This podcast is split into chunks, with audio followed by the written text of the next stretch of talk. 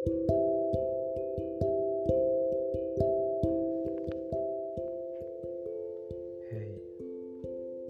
buat lo yang dengerin ini,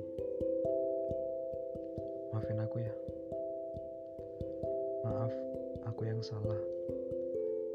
Ingin rasanya ku ucapkan kalimat itu, tapi aku terlalu terpengaruh oleh egoku. Aku yang salah. Cukup dengan kalimat itu, mungkin kita tidak akan marah sampai sekarang. Maafkan aku atas kesalahan dan egoku. Aku tak terlepas dari sikapku yang seperti anak kecil. Aku sadar.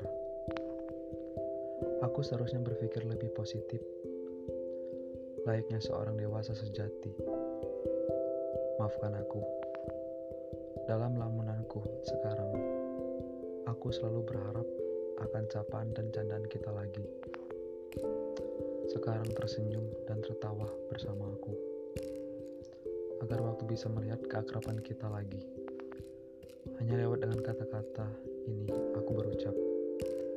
Dan hanya sebatas maaf untuk ucapkan aku yang salah. Maafin aku, Li.